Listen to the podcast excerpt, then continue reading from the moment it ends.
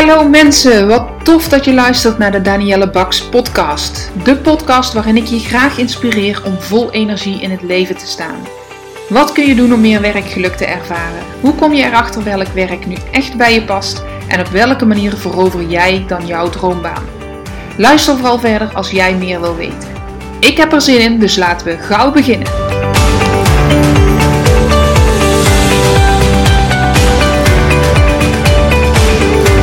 Hey, vandaag zitten we alweer in de vijfde week van de intelligente lockdown, zoals ze het noemen. Ehm, het coronavirus lijkt wat af te zwakken, geweldig. En dan komt er ook weer ruimte om naar de toekomst te kijken. We weten nog niet hoe dat die eruit ziet, maar ik zie wel dat er steeds meer initiatieven weer komen om te gaan solliciteren. Er komen weer iets meer vacatures, naar mijn gevoel. Ehm, dus ik dacht, wat is er nu mooier dan deze podcast te wijten aan solliciteren? En natuurlijk kan ik daar superveel over vertellen, maar in deze podcast ga ik uh, met jou bespreken, of in ieder geval tegen je vertellen, je inzichten en ideeën geven, naar aanleiding van een boek wat ik heb gelezen van Aaltje Vincent, Sollicitatiegesprekken doe je zo. En op het einde van het boek uh, gaat het dus echt over het sollicitatiegesprek en over de vragen die jij kan stellen aan jouw interviewer of interviewers. Want en dat wil ik echt gezegd hebben. Ik hoor nog veel te vaak om me heen dat er mensen zijn die op gesprek gaan en die het gevoel hebben zichzelf te moeten verkopen. En die dus ook bijna ja en amen zeggen tegen hun gesprekspartner. Die zelf veel te weinig vragen stellen, die eh, niet te moeilijk willen doen, die vooral sociaal wenselijke antwoorden willen geven. Maar mensen, jij laat zoveel van jezelf zien en jij maakt zo een goede indruk. En bovenal, onderscheid jij je enorm van al die andere mensen door zelf initiatief te nemen en vragen te stellen. Jij kunt de vragen beantwoorden van de interviewer, ehm, maar die moeten alle sollicitanten beantwoorden. Dus zij krijgen een ongeveer hetzelfde beeld. Jij kan je onderscheiden door zelf vragen te beantwoorden. Nou, dat ga ik dus in deze podcast doen, maar voordat we daarmee gaan beginnen, wil ik je even iets super gaafs vertellen. Ik heb namelijk een uh, heel tof idee om een Facebookgroep op te gaan zetten. Tenminste, ik denk dat die op Facebook komt, want LinkedIn blijkt toch minder in trek om daar een, een groep in te vormen. Uh, maar een Facebookgroep wil ik dus op gaan zetten, waarin ik op een laagdrempelige manier, dus de drempel is daartoe heel laag. Het is wel een betaalde groep, maar je krijgt dan ook enorm veel waarde. Zoals je weet doe ik loopbaantrajecten en in die loopbaantrajecten kom ik allerlei vragen tegen. En ehm, met die vragen wil ik dus iets gaan doen in die Facebookgroep, zodat jij uh, op die laagdrempelige manier, dus niet in een loopbaantraject, misschien is dat nog te ver voor je, voor je weg of vind je dat nog te groot, een te grote stap, vind je het spannend. Dus in die Facebookgroep kun jij tegen een kleine uh, vergoeding, tegen een kleine investering, enorm veel kennis, uh, inzichten, uh, inspiratie halen die jou gaan helpen om in beweging te komen naar een baan die echt bij je past. Nou, wat heb ik nu gedaan om die groep te vormen en om te weten dat die ook echt super waardevol voor jou gaat zijn? Ik heb uh, een enquête gemaakt van 10 vragen en ik heb gevraagd aan mensen om die in te vullen. En niet zomaar aan iedereen, nee, aan mijn ideale doelgroep. Aan vrouwen die op zoek zijn naar meer, uh, meer energie eigenlijk, meer uitdaging uit hun baan. Omdat ze merken dat ze nu niet echt lekker in hun vel zitten in hun werk. En er zijn inmiddels, uh, de eerste reacties komen binnen en ik heb er toen net doorheen gekeken. Nou, geweldig. Er blijkt dus best wel een, eenzelfde soort vraag te liggen bij een aantal van die, uh, van die dames die op zoek zijn naar een leukere baan, naar een droombaan zou je wel kunnen zeggen. Um, en daar komen best wel veel, zijn best wel veel overeenkomsten tussen die, die uh, respondenten, zoals je dat noemt, maar ook heel veel herkenbare vraagstukken die ik in intakes tegenkom, die ik in mijn loopbaantrajecten tegenkom. Dus ik heb echt wel mijn juiste doelgroep te pakken en ja, daar wil ik gewoon mee aan de slag. Als jij nog die enquête in wil vullen, dat kan. Op, uh, zowel op mijn LinkedIn als op Facebook als op Instagram staat die vernoemd. Op Instagram is het het handigst, want in de link in mijn bio ga je direct naar die vragenlijst toe. En het mooie is, als jij dit hoort en als je hem nog wil invullen, dan maak je kans op drie maanden gratis toegang tot de groep. Dus er komt een kleine vergoeding. Hij zal echt geen honderden euro's kosten. Uh, dat leek me een beetje uh, niet passend, maar er komt wel iets van een, uh, een investering voor, omdat je dan ook committed bent om naar die groep toe te gaan, om dingen te doen, om dingen eruit te halen. Dus het is voor jou eigenlijk de stok achter de deur dat je er ook iets mee gaat doen. Want hoe vaak is het niet zo dat je een Facebookgroep ziet en dat je denkt: Oh, dit is wel leuk om te gaan volgen. Klik, je klikt op vind ik leuk. En vervolgens doe je er nooit meer iets mee, dus het verdwijnt op je tijdlijn. Deze groep wordt besloten, dus je kan in alle rust, zonder dat iemand het hoeft te zien, behalve de leden dan, uh, kun je er je vragen stellen, kun je meedenken met anderen, kun je je situatie voorleggen en kun je bovenal luisteren naar de uh, vraag- en antwoordsessies. Daar kun je uh, actief in deelnemen. Naar de kennissessies die ik daar ga geven rondom al die thema's die ik dus zie, die bij heel veel dames leven. En kun je, uh, zal ik ook experts uit gaan nodigen om iets te vertellen over hun vakgebied, zodat je daar ook jouw kennis en inzicht en tips uit kan halen. Dus vul hem nog even in, dan maak je kans op drie maanden toegang, uh, zodra dat die gelanceerd wordt. En ja, jullie krijgen dus ook als luisteraars van deze podcast als eerste de informatie. Want zo breed verteld als ik het nu heb gedaan, heb ik nog niet eerder gedaan.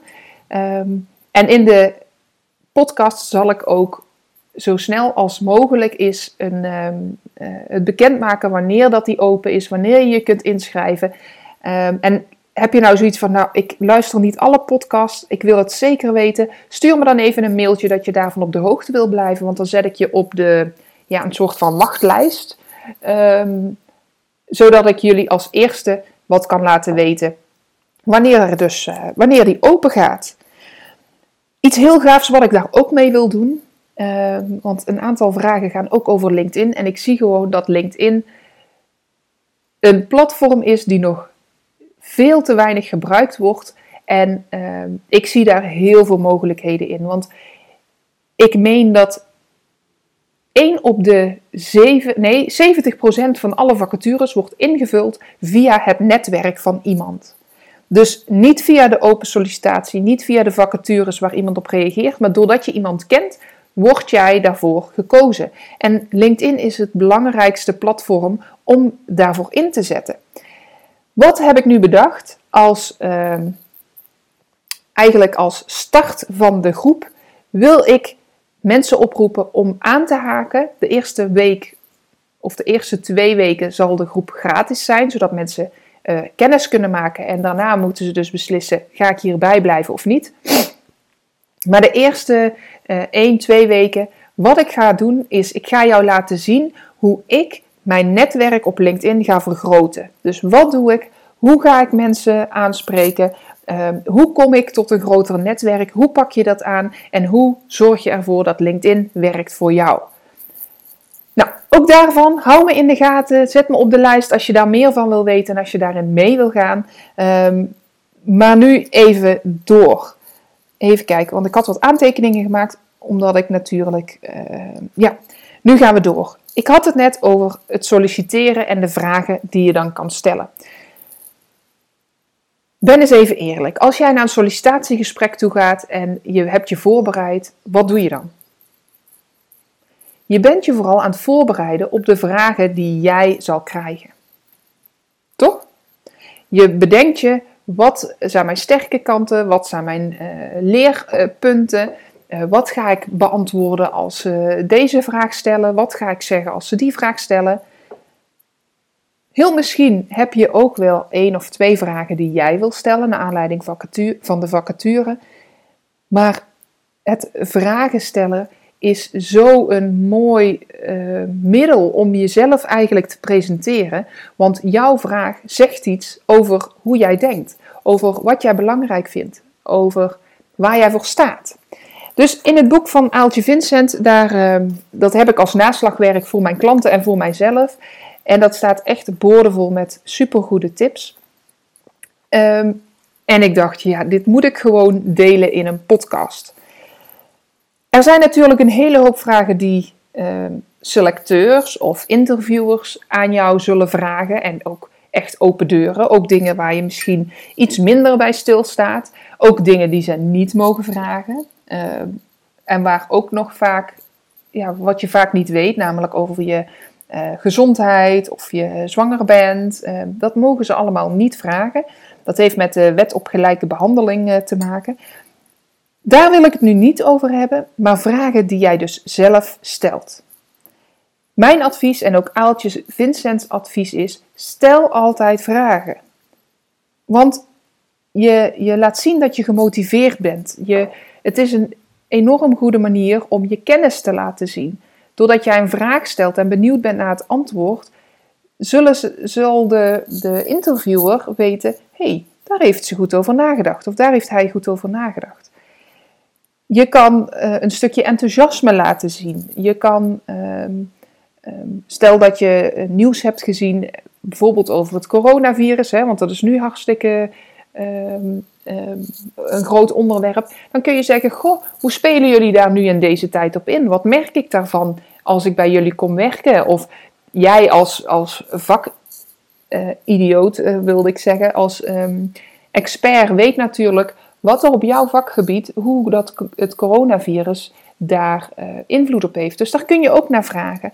Um, dus die kennis, de ontwikkelingen, de, um, over een goed netwerk wat je hebt. Dus wellicht ken je mensen in je netwerk en kun je daar iets over vragen. Maar meest van alles laat het zien dat je wel overwogen een stap wil zetten en dat jij ook vragen hebt.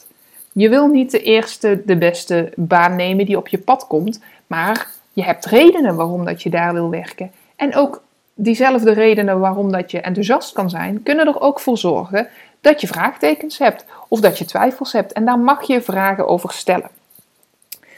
Altje Vincent zegt eigenlijk zijn er drie categorieën vragen. Namelijk vragen over de functie, de functieinhoud. Vragen over het werken bij deze werkgever, bij de organisatie. En vragen over de procedure, dus over het, uh, de gang van zaken rondom de vacature die gezet is, de gesprekken die er zijn, hoe dat die er zijn. Nou, ik noem er zo een aantal uh, voorbeeldvragen van. Wat natuurlijk een hele makkelijke uh, valkuil is, is om vragen te verzinnen om maar een vraag te verzinnen. Nou, dat wil je voorkomen. Je wil niet vragen stellen die al in de vacature benoemd zijn. Je wil geen vragen stellen die al op de website te vinden zijn. Je wil geen vragen stellen die uh, op social media bericht zijn of, of die uh, in het nieuws zijn geweest over het bedrijf. Dus je wil niet de voor de hand liggende vragen stellen. En dat wil zeggen dat je je even moet voorbereiden op welke vragen dat je gaat stellen. Nou, Functiegerichte vragen, dat zijn wellicht de makkelijkste vragen om je te bedenken. Want wat houdt de functie in? Daar heb je het vaak al over. Um, denk bijvoorbeeld even na. Stel dat jij zou gaan werken in die functie en probeer je dat dus echt voor te stellen. Dus probeer daar een beeld van te vormen. Hoe zou dat zijn? Welke vragen komen er dan in je op? Hoe dat een werkdag eruit ziet? Kun je je dat voorstellen of welke stukken zijn voor jou nog niet helder? Schets maar eens dat plaatje. Welke stukken van dat plaatje zijn voor jou nog niet voldoende concreet? Daar zitten jouw vragen. Wat voor een opdracht krijg je? Wat is de inhoudelijke taak en uh, zitten daar veranderingen in aan te komen? Of, of uh, wat is het doel wat, waarvoor jij aangenomen gaat worden? Dus welke oplossing bied jij? En wat als dat doel behaald is, wellicht? Uh, je kunt ook vragen naar wat de persoon die nu die rol uitvoert, uh, wat die doet, waardoor dat hij zo goed is in die rol.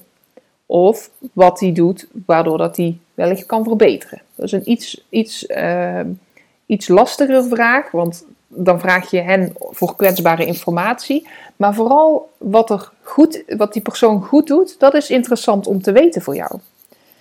Uh, ja, vanmorgen kreeg ik een, uh, een reactie En daarin zei iemand: Goh, ik heb gevraagd hoe dat uh, de persoon tegenover mij, dat was de leidinggevende, wat voor soort leider, hè, wat voor soort leidinggevende, wat voor soort leider die persoon is, welke aanpak die heeft. Dus dat heeft allemaal te maken met de functie. Um, je kunt ook vragen of dat er al iemand anders op je plek heeft gezeten, want dat hoeft niet altijd zo te zijn. Het kan ook een nieuwe functie zijn. En wat verwachten ze daar dan van? Um, je kunt ook vragen wie doet het werk nu als je dat niet weet en kan ik daar even mee in contact komen, mocht die niet bij het gesprek zitten. Je kunt ook vragen of dat die persoon, eh, waarom dat die weggaat. Daar hoeven ze geen antwoord op te geven, maar je zou in je vraagstelling iets kunnen opnemen als: Goh, heeft hij promotie gemaakt? Of ehm, dan, dan uh, laat je al merken dat je benieuwd bent naar de beweging in de organisatie. En dat brengt me eigenlijk op de organisatie, want daar heb je ook, uh, ja, daar mag je ook vragen over stellen. Een cultuur binnen de organisatie bijvoorbeeld. Als jij je voorstelt, je zit nu in een organisatie of je hebt ergens gewerkt als je nu geen werk hebt. Wat vond je, jij fijn aan de organisatie waar je werkt of gewerkt hebt? Daar kunnen vragen in zitten voor een nieuwe werkgever. Hoe is dat daar geregeld? Hoe ziet dat er daaruit? Wat voor vragen bij, uh, of wat voor dingen bij je huidige werkgever of je laatste werkgever vond je minder prettig? Daar kun je ook naar vragen bij je nieuwe werkgever. En vaak gaan die vragen ook een stukje over de cultuur. waar, waar, loop je tegenaan? Wat vind je niet prettig over een waarde in een organisatie? Ehm, je kunt ook vragen aan degene die jou interviewt, dat zegt Aaltje ook in haar boek, wat maakt dat je daar zo graag werkt? Of wat maakt dat iedereen die hier werkt, hier graag werkt? Welk advies zou je aan de persoon die nu start willen meegeven. Ehm, dus er zijn allerlei vragen die je kunt stellen. Dan over de procedure. En daar hoor ik ook bij mijn klanten, als, ik, als ze dan zeggen van, goh, ik heb een gesprek gehad en uh, goed gegaan. Mijn vraag is dan altijd, oh, en wanneer hoor je iets? Ja, waarschijnlijk deze week. En dan, dan hebben we al geluk als men dat weet. Hè? Je zou zeggen dat is heel normaal. Nou, ik zie nog steeds heel veel plekken waarin mensen dat antwoord gewoon niet krijgen. Ze weten niet wanneer ze kunnen verwachten dat er antwoord en uitsluitsel krijgt over je bent door naar de volgende ronde of je, je bent sowieso aangenomen. Want is er een volgende ronde?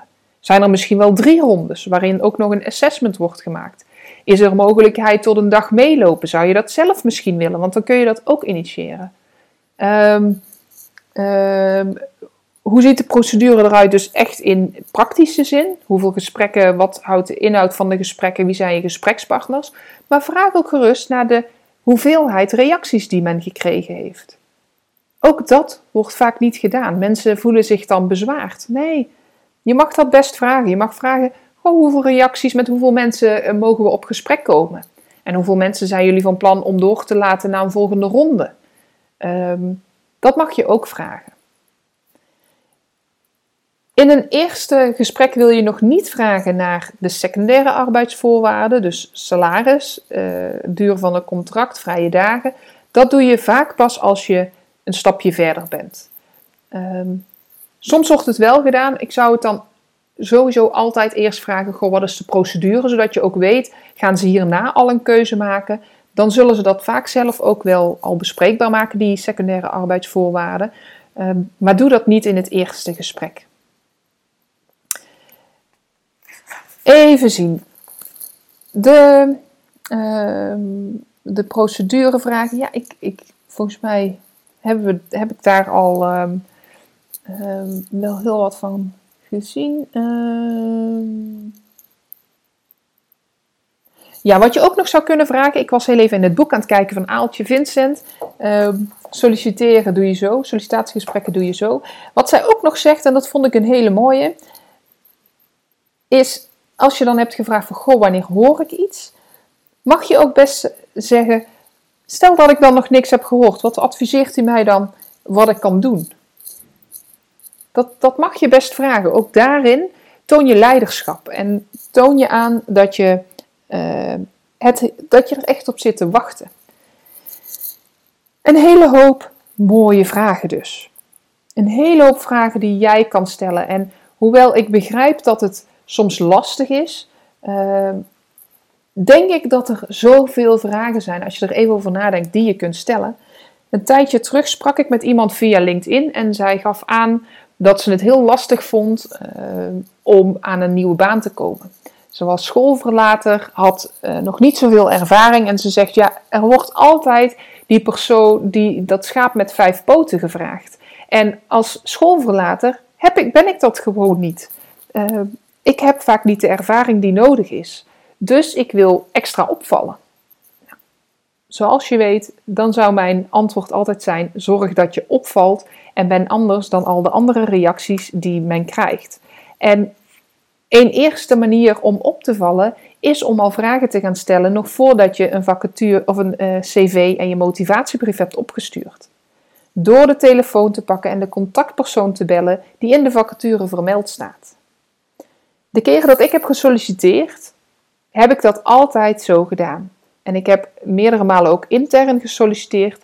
En dan keek ik altijd naar de vacature. Die ging ik, nou, je zou wel kunnen zeggen dat ik hem ging bestuderen. Om te kijken welke vraag komt nu bij me op. Zo heb ik één keer gebeld omdat het over een uh, uh, zwangerschapsverlof ging, een vervanging daarvoor. En toen heb ik gezegd: Goh, is er kans dat ik na dat verlof nog in de functie zou kunnen blijven? Of is het echt puur en alleen voor zwangerschapsverlof? Want ik wil graag deze stap maken en ik zou het heel erg mooi vinden om uh, intern dus naar deze functie toe te gaan. Echter, als dat voor vier, vijf maanden is en uh, ik laat mijn huidige functie laat ik los, hè, dan moet iemand anders voor gezocht worden, dan sta ik dadelijk met lege handen en dat wil ik natuurlijk voorkomen. Ik wil heel graag bij jullie aan de slag, maar ik ga daar niet, als ik nu al weet dat het geen vervolg kan hebben, wil ik op dat moment wilde ik dat risico niet lopen. En door dus te bellen kreeg ik meer informatie en zei de teamleidster die ik toen sprak, zei, nou, de kans is groot dat wij uh, meer mensen nodig hebben, want we zijn een groeiende afdeling. Uh, daar kan ik nu nog niet te veel over zeggen, want ik weet nog, ik, kan, ik heb geen glazen bol waar ik in kan kijken. Maar de kans is natuurlijk groot dat wanneer jij die zwangerschapsvervanging doet en het bevalt, dat jij in die, in die, uh, in die groei mee wordt genomen en dat je mag blijven. En dat was voor mij op dat moment voldoende informatie om toch te gaan reageren. En de ander, deze teamleidster, had mij gehoord en ik had al een heel fijn gesprek met haar aan de telefoon. Dat maakte dat zij dus mijn brief tussen de reacties heeft uitgepikt en zei: Met haar wil ik sowieso in gesprek. Je wordt al een keer gehoord. Mensen gaan je, uh, je reactie in de gaten houden en pikken die eruit en zullen die met extra aandacht lezen. Waar een andere reactie, ja, een andere um, um, cv binnen zeven seconden bekeken wordt en dan een gevoel moet krijgen, ja, die gaan we verder bekijken of niet, stond ik al met 3-0 voor. Nou, ik wijk af, want ik uh, had het over de dame die via LinkedIn mij liet weten dat ze dus de ervaring miste. En ik adviseerde haar dus om telefonisch contact op te nemen, zodat zij al een indruk kon achterlaten en daarmee de tijd die ze aan haar cv en aan haar uh, motivatiebrief zouden geven, waarschijnlijk al vergroot zou worden. En toen zei ze tegen mij: Ja, maar alle vacatures zijn zo duidelijk omschreven dat ik eigenlijk geen vragen kan stellen. En om maar een vraag te stellen om het stellen van de vraag, dat vind ik ook niet correct. Nee, dat klopt. Je wil geen vraag stellen die eigenlijk nergens op slaat. Maar als je nu terugdenkt naar de tips die ik hiervoor heb gegeven, functieinhoudelijke vragen, vragen over de organisatie en vragen over de procedure, en je gaat dan nadenken: welke vraag zou ik kunnen stellen en zou ik al kunnen stellen door de persoon in de vacature op te bellen, dan kom je echt wel met vragen. En zo niet, bel mij, dan gaan we samen, boeken we een, eh, een afspraak en dan gaan we samen dat, uh, die vragen opschrijven. Ik durf je te beloven dat ik binnen, binnen vijf minuten met jou vragen heb, wel, wel vier vragen heb, die jij zou kunnen stellen in een telefonisch gesprek. En dan kunnen we de rest van de één op één sessie kunnen we gebruiken om dat gesprek voor te bereiden. Ehm, omdat ik zeker weet, er zijn vragen. Een vacature, als ik vacatures lees, zie ik zo vaak onduidelijke vacatures. Zie ik of overvolle vacatures waarin die schaap met vijf poten wordt gevraagd.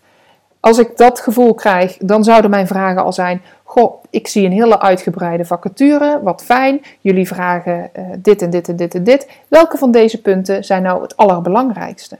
Want dan kan ik zelf bepalen: kan ik aan al deze uh, punten voldoen? Moet ik aan al deze punten voldoen? Of welke is het belangrijkste? En ga ik dus mijn. Uh, ga ik het dus wagen om toch een reactie te plaatsen, wetende dat ik aan de allerbelangrijkste eisen in ieder geval voldoe. Een andere vraag als je naar een vacature kijkt, hè, als die eh, overvol is, dan, dan zou je dus kunnen vragen naar wat zijn uh, de allerbelangrijkste stukken in deze vacature. Maar als de vacature niet helemaal duidelijk is, of als je vragen hebt over de organisatie, ga op de website kijken. Ga kijken naar waar je daar vragen over hebt en zeg Bel op en zeg: Goh, ik heb de vacature gezien. Ik ben meteen naar jullie website gegaan omdat de vacature me heel interessant leek. En op de website zag ik dit en dit. Daar heb ik een vraag over. En voordat ik mijn kostbare tijd. Hè, zo zou ik het niet zeggen, maar dat is het wel. Het is jouw kostbare tijd die jij gaat spenderen aan het aanpassen van je cv richting de vacature, aan het schrijven van een motivatiebrief voor die vacature. Dat heb je niet zo op de plank liggen, tenminste, dat zou niet moeten. Dan zou je altijd richting de vacature willen schrijven. Dus je gaat daar tijd en aandacht aan spenderen. Liever bel je dan eerst om jouw oprechte vragen te stellen Goh, ik zie dit op jullie website, daar heb ik een vraag over voordat ik beslis of dat ik ga solliciteren. En het mooie is, als je dat vraagt, blijf jij top of mind. En een tweede voordeel is, um, Aaltje Vincent heeft dat ook al eerder genoemd, steeds meer bedrijven, organisaties spelen hierop in. En ehm, doen een soort van uh, koffiemoment op een, of een open uh, contactmoment waarin je naar de organisatie toe kunt gaan. Je hoeft nog niet uh, je in te schrijven of te reageren, maar je kunt daar naartoe gaan, vrijblijvend, om kennis te maken, om eens rond te kijken, zodat je een gevoel krijgt bij de organisatie. En dan pas kun jij, ga jij uh, solliciteren. Dus eerst krijg je een gevoel bij wil ik hier wel werken, voordat je gaat solliciteren. Wat ervoor zorgt dat jij um, dat de werkgever veel meer gemotiveerde mensen krijgt die reageren. Want ze hebben al de kans gekregen om kennis te maken, dus ze hebben al een gevoel. Dat gevoel kan ook negatief zijn, waardoor je besluit om niet te reageren. Nou, ik ga helemaal aan zoals je merkt. Ik heb al eh, best wel wat uh, besproken. Clue van het hele verhaal is: Ga dus op zoek naar vragen die jij kan stellen. Niet de voor de hand liggende vragen, maar vragen die jij oprecht hebt, zodat jij je kan onderscheiden van anderen. Want zo, op die manier, ga jij een baan krijgen en ga jij het gevoel oproepen van: hé, hey, daar willen we mee aan de slag en die willen we voor deze functie. Ik hoop dat je er iets aan hebt en uh, ja, laat het me weten. Dat vind ik altijd leuk als ik reacties krijg. Welke vraag, en dat is een mooie afsluiter, welke vraag heb jij eens gesteld in jouw uh, sollicitatiegesprek? En wil je die delen met andere mensen die dit lezen uh, en die naar de podcast luisteren? Want dan help je andere mensen ook weer. Dus laat het me weten. Dankjewel.